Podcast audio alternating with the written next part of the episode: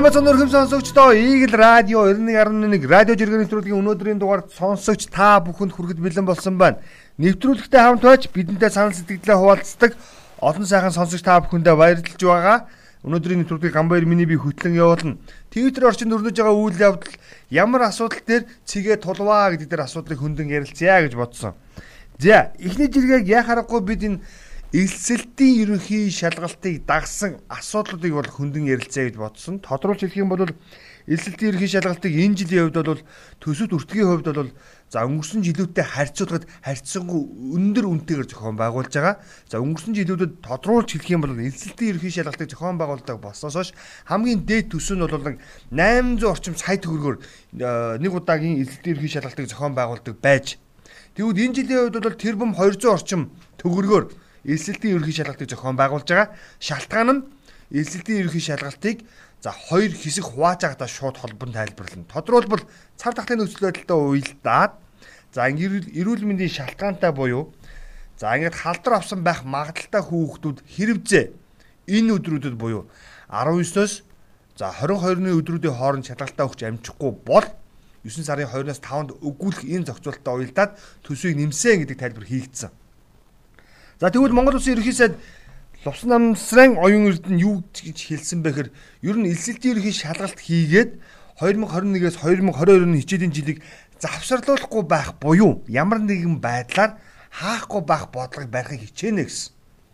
Тэгэхгүй бол Монгол улсын хувьд бол үндсэндээ боловсролын 2 жилийн хамгийн том хар цонх үедээ болцглоо гэдэг зүйлээр за судлаач нар бол шүүмжлэг хийлээ хийлээд эхэлчихсэн. Ийм учраас ерөнхий сайд за ер нь бол бид нар танхимын сургалтыг яаж иж яагаад эхлүүлэхгүй болвол энэ харанхуй цонх үеэ нөхөх гэж ирэх 4-өөс 5 жилдээ бид нар бол үүлээ үзэж үсээд байгаа зулгаана гэдэг агуулгатай ярилцлагыг олон нийтэд хилчгсэн бэл. Энэ мэтлэн асуудлаас үүдээд боловсролыг дагсан жиргэнүүд олон нийтийн анхаарлыг зүйсээр татж байгаа.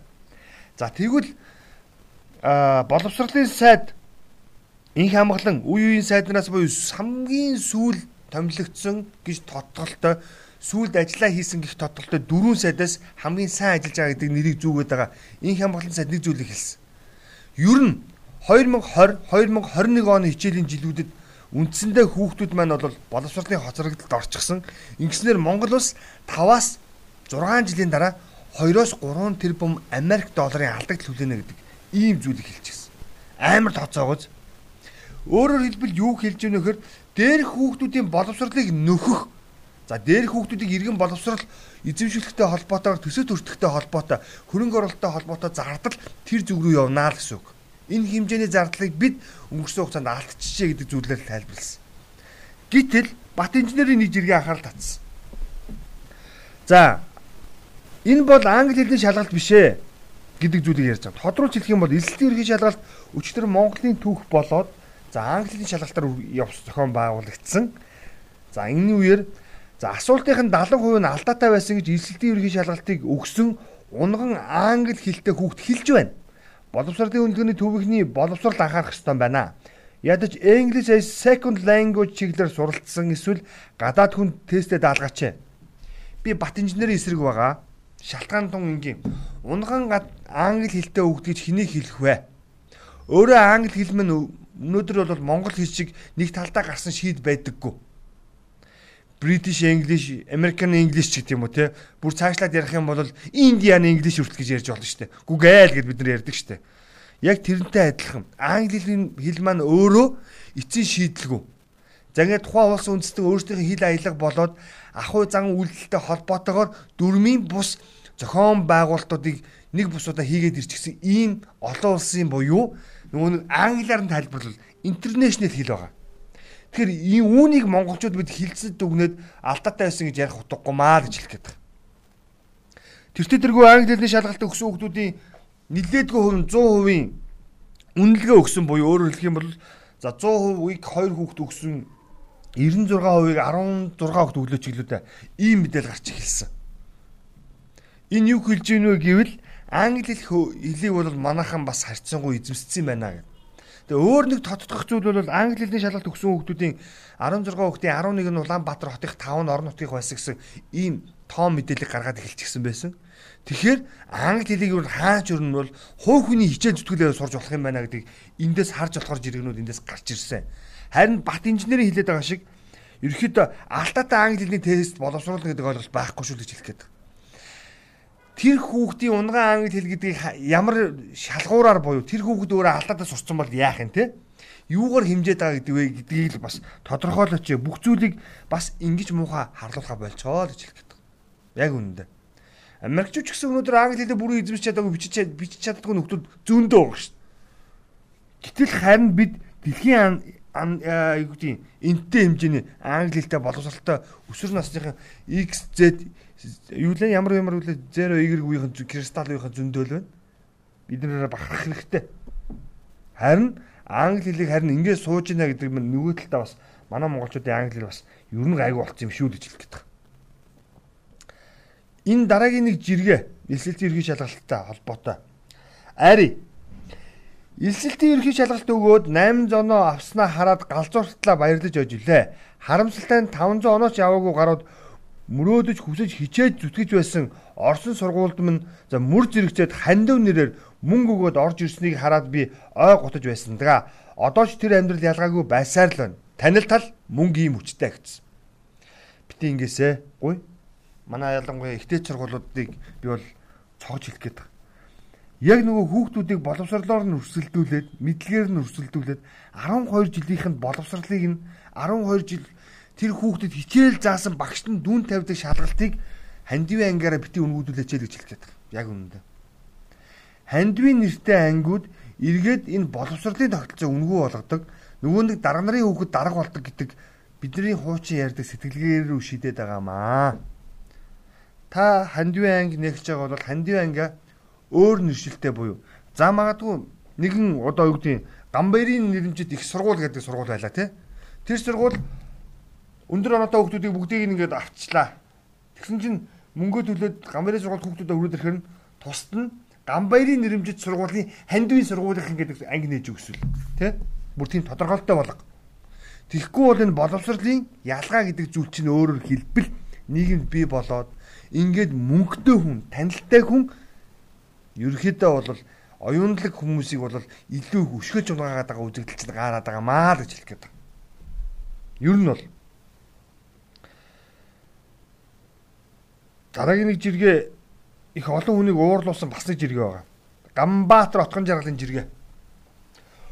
Хөөй хөөй цаан чинь ажилтангуудаа Г П яа гэж хараагаад нүүрүүн цаас урд шидээд төрийн тамгыг цүнхэлж явдаг төрийн хүүхэн сайд цаан чинь байна гин шүү. Нэрийг хэлэхгүй. За доотлолт манайх уралдсан жиргээч дөрвөн сайд байгаа эмэгтэй. За дөрвөн сайдын цөөнгүн буюу дөрвийн чинь одоо 50%-аас дээш буюу 2-оос дээш нь бол болоод ирэхээр цөөнгө болчих зүв те. Гов алтаа угшилтай гэдгээр нь мессеж хайж байгаа.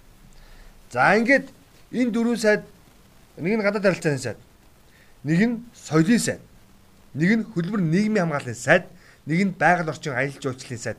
Ингээд дөрвөн эмэгтэй сайдын хин нь өөрийн доор ажилтдаг ажилтнаа салфетыг авчирч өгсөнгүү гэдэг шалтгаанаар Г гэдэг нь тодорхой нөө чонны имийг хэлдэг штэ. П гэдэг нь монгол хэлний орчин хэлэнд хөврүүлсэн үг. Я гэдэг нь та бидний муухай хэрэглээний үг гэдэг.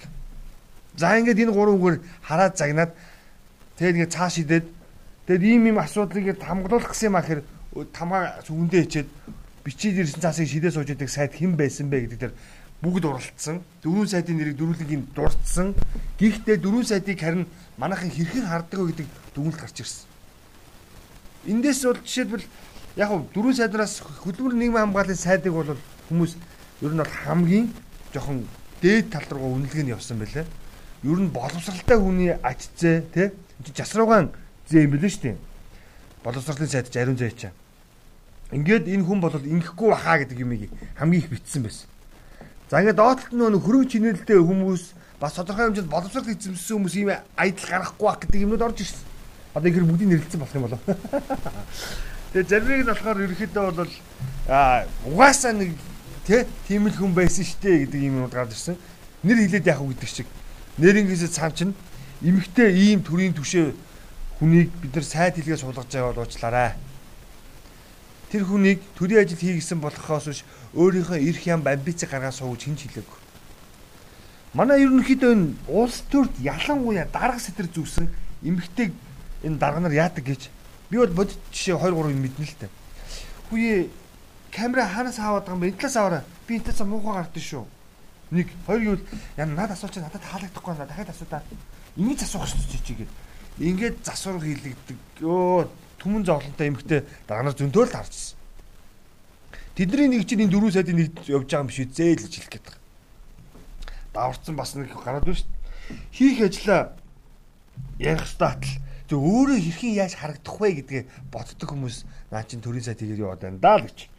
Тэгээд дотгон жаргалын жиргэний дор бол маш олон жиргээ явж байгаа. Гэтэ ерөнхийдөө ингэж доодох ажилтнаа салфетыг авчирч өгсөнгүү гэж уурлаад ГПЯ гэд нохоо нэмэгтэй монгол хэлний орс орчуулга тий Тэгээд хамгийн муухай хэллэг болдог яа гэж хараадаг ийм сайд тэгээд төрийн тамхыг төрийн нарийн бичгийн дарагдаа биш өөрөө тамглаа явж идэг сайд нэр нь тодорцсон байгаа. Манай төрлийг сонссон хүмүүс өөрсдөө бичих хаа гэж. Дараагийн жиргээ төрийн албаагч оюу толгойд өмнө говь аймгаас ажиллах хүчээр ажилд орогсод их хвчлэн үйлчилгээний салбарт ажилладаг инженер бараг л байдаггүй. Үнэн л дээ. Тэгээд одоо энэ чинь Монгол улсын шүдний зовлон оюу толгой байтга Улаанбаатарт нэг ажилтаа авах гэхээр инженерд ажил авах хүн олдохгүй шүү дээ. Өмнө бас нэг дугаараар хэлчихсэн. Мэргэжилтэй ажилтан бүгдээр нэг хутлаа цагаан цагтаа хүмүүс нэг офис цуугаад нэг жиргээ санаж байна. Хиний жиргээ байлаа. Оо би нэг нэр нь санахгүй наа. За нэг жиргээ хэлсэн. Нэг дүүг ах нэг дүүг ажил хийж хэд хоног явъя гэдээ харан дагуулад явсан. Хөөхөн яриа өөрөөтэй жоохон яриа өдөж ярьсан. Ямар ажил хиймээр нь гэсэн төслийн менежер гэж гуцдаг байгаа гэд. Яг л одооны хүмүүс тийм мөрөөдөд байгаа. Даавраа те бүх юмыг доороосно. Миний санахаар одоо энэ нисэх байгууллага одоо нисэх хүчнийхэн те нөгөө талдаа төмөр замынхан энэ хариуцлагатай энэ ажил хийдэг хүмүүс бол яг ямар ч албан тушаалтанд дарга цэргийн хүүхдийг боломжит хэлбэрээр яг доороос нь ажлыг эхлүүлдэг. За мэдээж хэрэг нөгөө Монгол болсон даргын хүүхд мөнгөтөөний хүүхд бол нөгөө хар ажлыг бол баг цөөхөн хоног хийлэгдэг. За ингээд аа яг нөгөө мөнчгөрөөрөө гэж хэлдэг те өөрөөрөө яваа хүмүүс бол нөгөө хар ажиллаа бол олон хоног хийдэг ийм л ялгаа байдаг. Түүнээс биш яг ялангуяа төмөр замын бол би аягүй сайн мэдэж байна. Би ч өөрөө бас төмөр замын их тодтолтой хөлт учраас тэгээд инженерийн сургууль төгссөн ч гэсэн за тус байгууллагт ажилтнаар орж байгаа бол засварчнаас ажлын гараа эхлүүлдэг. Хэрв та татаад татлаад төлөхөө буюу нөө танил нөлөөтэй байх юм бол за нэг сар засварч юм. За танил тал багтай бол 3 хүртэлх жилээр та засварч юм. Ингээ дараагийн мессер гоё ундаа гэж. Ийм л ялгаа байгаа. Тэрэн шиг одоо манах ер нь бүхий л энэ альбан байгууллагууд магадгүй те ажилтаа албан хаагчдыг шууд ажилд авахаас илүүтэй эхлээд нэг одоо доод албан тушаалтангуудаа зэрэгцүүлж ажилуулах одоо туршилтын маягаар те за чи ингээд одоо мундаг инженер юм байна чамайг ажилд авлаа Тэгвэл шууд авчиад нөгөө нэг дарга гэдэг даамал дээр суулгахгүйгээр чи хэд хоног манай энэ хүмүүстэй нэг хамтраад ажиллаад үзээд тах те. Чиний потенциал энэ хүмүүсийг удирдахад хүрэх нь үү? Шууд ажилд номлохгүй ч тэр чинь те. Ингээд чи эдэртэйг хамтран ажиллаад тах гэдэг ийм зарчим руу. Тэгвэл бас хүний бас нөгөө нэг маш өндөр хэмжээний өртөг төлөөд олоод авсан оюуны хөдөлмөрийг бас бид нар үнгүүдэж болохгүй байхгүй юу?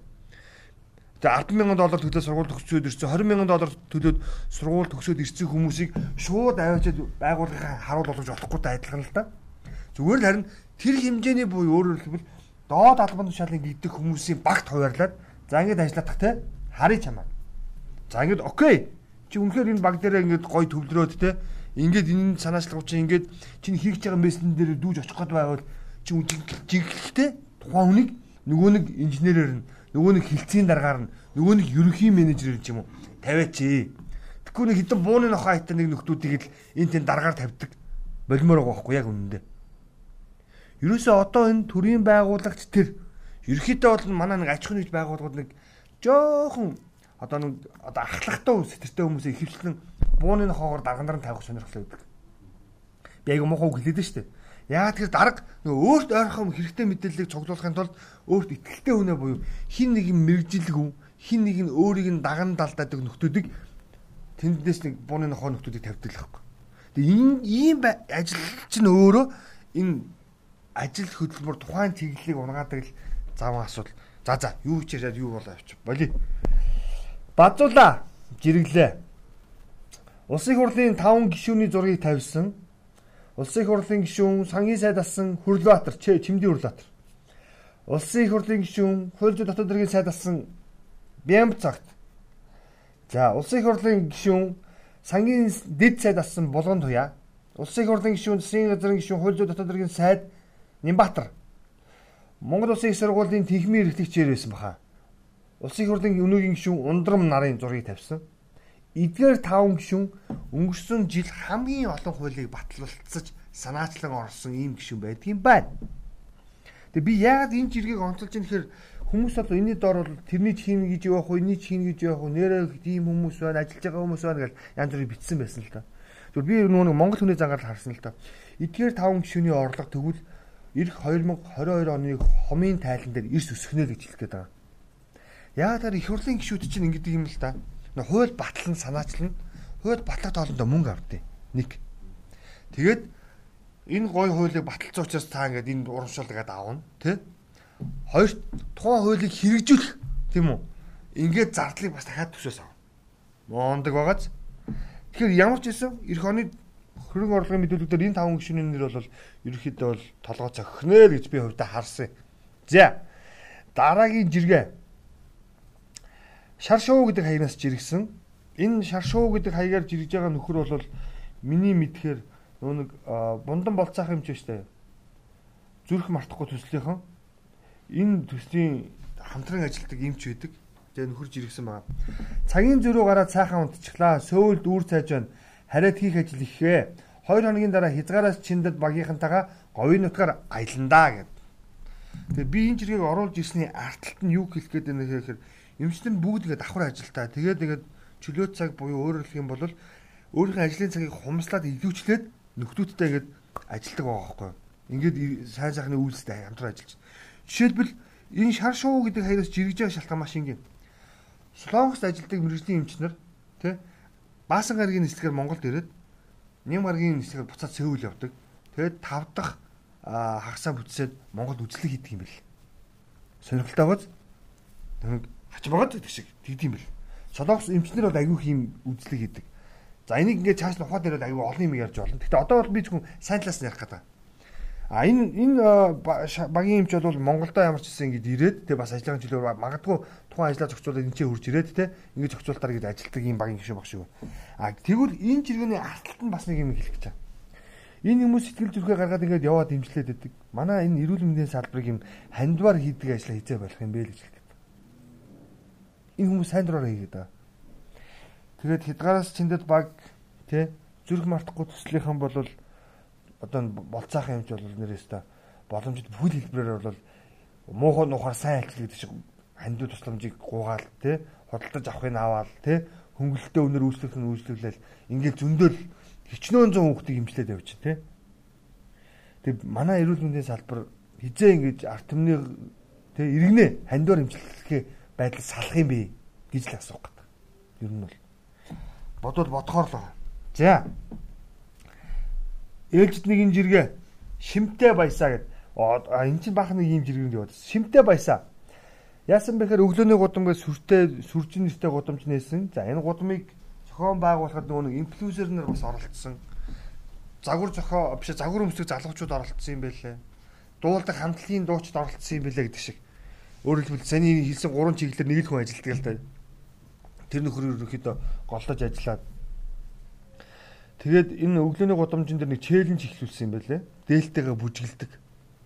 7 хоног болгоны даваа гаргийн өглөө энэ челленжид хүмүүсийг нэгтгэхдээ ирж бүжиглээрэ гэдэг юм гаргаж байгаа юм байна лээ. Тэгсэн чинь шимтэй баясаа юу гэсэн бэхээр тэдгэрийн бүжиглж байгаа зургийг тавиад их мөнгөтэй болоод гой говцтай болоод машинтай болоод ингээ мөрөөдөж жагаад очиндоо л гэж боддог байсан юм аа. Гэтэл одоо дээл байхгүй яах вэ гэсэн байгаа. Тэгээ бид нар нэг амьдралд буюу би яг өчигдрийн жиргэнээр л урьдчилан жиргэнд хэлжсэн шүү дээ. Нэг юм хит өндөр шалгуур тавьчихдаг. Тэрэндээ өрхөөл махраад яваад байдаг. Энийгээ болчоо хэдүүлээд хөө. Зүгээр л байгаараа сайхан байцгаа. За дараагийн марцан жиргээ саруулхны жиргээ. Саруулхан түүхийн эсэлтийн ерөнхий шалгалтын дээр бүгдийг нь A гэд бүгэлчлөө. Би одоо A авсан байх та гэж. За тэгсэн чинь дараагийн нэг марцан жиргээ. Ням самбууга нөө гавж биш ээ гівш тий юу лээ? Нөө нэг буддын шашны тодорхой сургаалыг тайлбарладаг судлаач энэ буддист залуу байдаг. Маш гоё сургаалуудыг айлддаг. Энэ хүрээлсэн за би үндэсний бүх үзэх гөөмөх дуртай. Даанч одоо үзэхээс яс хавталцаад байдаг бол хизээ хэрэлдэх маргалдах бол гэж бодох юм аа гэж нөө би ч бас ховдоос гэж боддог уг нь бүх чинь гоё штэ үндэсний бүх чинь бас л. Морь ирэхээр яхахгүй Монгол хүний шар ус босдогтой адилхан бас л даваа дивэ шава гой уран хурц барилдаа үзүүлэхэд хин өнгөл баясдаг. Тэгээ одоо нэг эвгүй унцгаарч гэдэг юм эсвэл нэг араар тавар гар хөлн илүү саралцчихаар өө одоо энэ нөгөө хинийхэн зүг буруу гэж урдчилж нөгөө нэг таамаг дэвшүүлээд те одоо энэ Монгол хүний бас оюуны чадамж шүү бас энэ те ургуулсан бодох уршгаа гэж. Зэ дараагийн нэг юм жиргээ байна. Номын орд Уруудах хүний унтах идэх гээд байсан шаал худлаа юм байна. Оюун хорл анайг та нар харалдаа гэсэн. Тэгэд яагаад тэгэхээр их хурлын гишүү басан, засгийн газрын гишүү басан, байнга орооны дараагсан энэ устөрч эмхтэйг бол хамгийн их шүүмжилдэг зүйл бол унтдаг гэж хэлдэг. Энэ хүн унтдаг юм болов уу эсвэл нүдэ ханжаага зурган тийм их түгээмэлээд юм эсвэл онгор байж болно те. Ямар нэгэн байдлаар энэ хүн унтдаг гэдэг ойлголтоо 100% холбогдчихсон.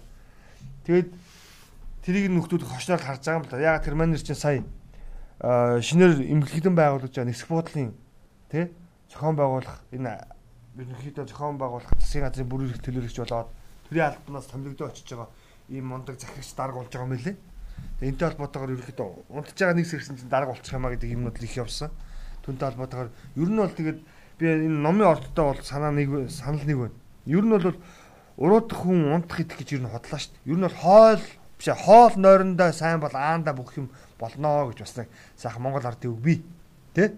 Энд чи юу хэлж ийнэ хэр зөв зохицуулаа л гэсэн үг байхгүй юу? Хоолоо зөв ид тэ? Нойроо зөв тааруул. Хэрэгтэй цагт нь унтчий тэ? Хэрэггүй ингээ шүнжин битээ зургт үзэдэл гэсэн үг байхгүй юу? Хэрэгтэй юм шиг хэрэггүй юм шиг уц байж байгаа орон цагаа унтаад авчил. 2 минут ч гэсэн үдэ амраа. Ойлгосноо? За. Ээлжид нэгэн жиргээ баясаагийн жиргээ хээр хонгор хул халтар гэсэн их сонин өнгийн нэршлүүд байдаг юм байна. Адам дээр яалтачгүй цагаан өнгөтэй байхад боргод байх юм. Яагаад вэ гэж асууж эхэлсэн. Доор нь манай нөхдөө саналуудаа уралдуулсан. Тэгээ би зүгээр тэр уралдуулсан санаа бодлууд дээр дөрүүлээд хэлэхэд баясаад хэлэх гээд байгаа. Адууд өнгө гэж байдгүй маа. Адууд зүсгэж байдгийг. За тэр цагаан байгааг чинь боргод байгаа чинь тун энгийн. Ер нь цагаан өнгөтэй унаг төрдөггүй Өөрөөр хэлэх юм бол би энэ хүний хэлээр хэлээд нь дээ. Цагаан зүсмийн цагаан өнгөтэй унаг төрдөггүй. Ямар нэгэн хэмжээгээр тэр унагны үндсэн өнгө нь зээрдч гэдэг юм уу, хонгорч гэдэг юм уу те. Нөгөө нэг одоо завсрын гих тодголтой өнгөнүүд байдаг. За ингээд тухайн унаг 2 нас буюу даах хүрээд үрээ болох явцдаа зүсээ өнгөө хайдаг. Шар үсээ хайна гэсэн үг шүү дээ тийм үү? Ингээд зүсэнд бол тодорхой хэмжээний одоо эцэг малынх нь буюу тухайн сүргийн манлаа азарганы ген зонхилсноор тухайн зүс нь за ингээд химийн уралд орно гэх юм да. Тэ? Ингээд бор одоо юу гэдгийг эсвэл нөгөө нэг цэнхэр ногоон гэж нутаг нутгийн хиллэгэлдээ янз бүрээр хилдэг. Өөрөөр хэлэх юм бол үндсэн одоо одоо юу гэдгийг өнгөн дээр нь ингэж цагаан ус ургаад ингээд тэр туяаг цатруулсаар тухайн адуу малыг цагаан биш бор ягаан тэ цэнхэр ногоон гэж нэрлэдэг юм аа. Энэ бол нөгөө нэг одоо малын ген хүний одоо яг л таны өсний өнгөтэй адилхан гэж хэлгээд цав цагаан өстэй хөх төрдгүү шүү дээ. Тийм үү? Ийм энгийн юм битээ гайхчээ. Монгол ахуй тагж байгаа орхон бай гэж зөвлөх гээд. Хоёр гигүүл ер нь монголчуудын маань хувьд бол бас мундаг өнгөний мэдрэмжтэй ард юм. Ерөнхийдөө өөрсдийн хэл соёл тэ энэ зүйлээрээ бид нар өөрсдөө ингээд энэ өнгөний мэдрэмж тэгээд үнийг өмнөөс ялгах буюу зүс гэдэг нэршлиг ямар зүйлд ашиглах вэ гэдэг юм бидний монгол хэлний бас агуу гоё баялгууд байна л да. Эдгээрээ бид нар бас зөв уншиж сураад судлаасаа л гэдэг үгээс энэ жирийг тотгож хэлээд байгаа. Тэг мэддэгт мэрэгэн цорхор мэддгүүт ирээн цохор гэдэг шиг зүйлийг би бас яриад иж магадгүй. Тиймээ ерөөхдөө бол энэ Монгол юун дээр адуун дээр энэ зүсний нэршлиг одоо дэлхийн нийт өнөө хүртэл одоо юу гэдэг орчуулсан зүйл байдаггүй юм байлээ гэдгийг бас бахархалтайгаар хэлье гэж. Хонгор, халиун, хул, зэрд, борхол, тэ халтар гихч. За халтарч одоо англиар байх юм да. За дараагийн жиргээ. Энэ ямар жиргээ вэ? Аа, ингэсэн. Э мөги жиргсэн. Сонноос амархан гомддог, гомдлон тайлагддаг, тунаад байдаг хүмүүс витамин С-ийн дутагдaltaй байдаг гэсэн шөө. Тэгээ би саяны жиргэг унсан баясад зориулж илээ. Та бити гомдорой. Хэрэв гомдох гээд байх юм бол С угаарай гэж зөвлөх гээд. За, нэвтрүүлгийн цагт өгсөн байна. Найрлагч тогч. Төгсгөлтний жиргээ явуулъя. Солонгийн жиргээ. Бэр гуйж ирэхээр нь юу гэж хэлэх вүлээ? Сонголтоо зөв хийнү гэх лүү яах вүлээ? Эсвэл өгсөн авсандаа үлзийтэй гэх үг. Тэгээ бид монгол хэл заан заншлаа үгүй гэж болохгүй.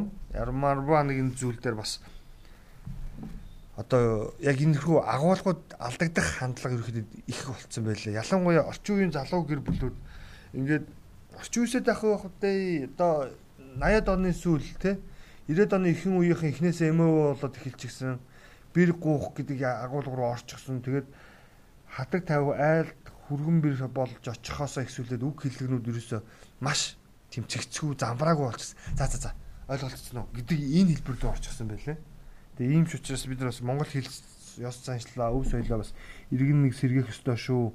Бид үүнийг бол мартаж үл болох бас бидний том соёл шүү гэж бас хэлж байгаамаа. Тэгээ өнөөдрийн нэвтрүүлэгтээ хамт байсан сонсогч та бүхэндээ баярлалаа. За эх 7 хоногт илүү олон мэдээллийг та бүхэндээ хамтдаа хуваалцах хүргэхийг хичээнэ. Тэгээ амралтын өдрүүдэд ая тухтаа өнгөрүүлээрэ энэ амралтын өдөр үргэлжилсэн бороотой байх гэсэн ийм төлөв мэдээллийг цагуурчид маань бидэнд өгсөн. Магадгүй та бүхэн маань тусландаа байгаа бол баянштай цай хуушруу хараад сайхан гэртээ гэр бүлтэйгээ хамт өнгөрүүлээрэ. Та бүхэндээ амжилт хүсье.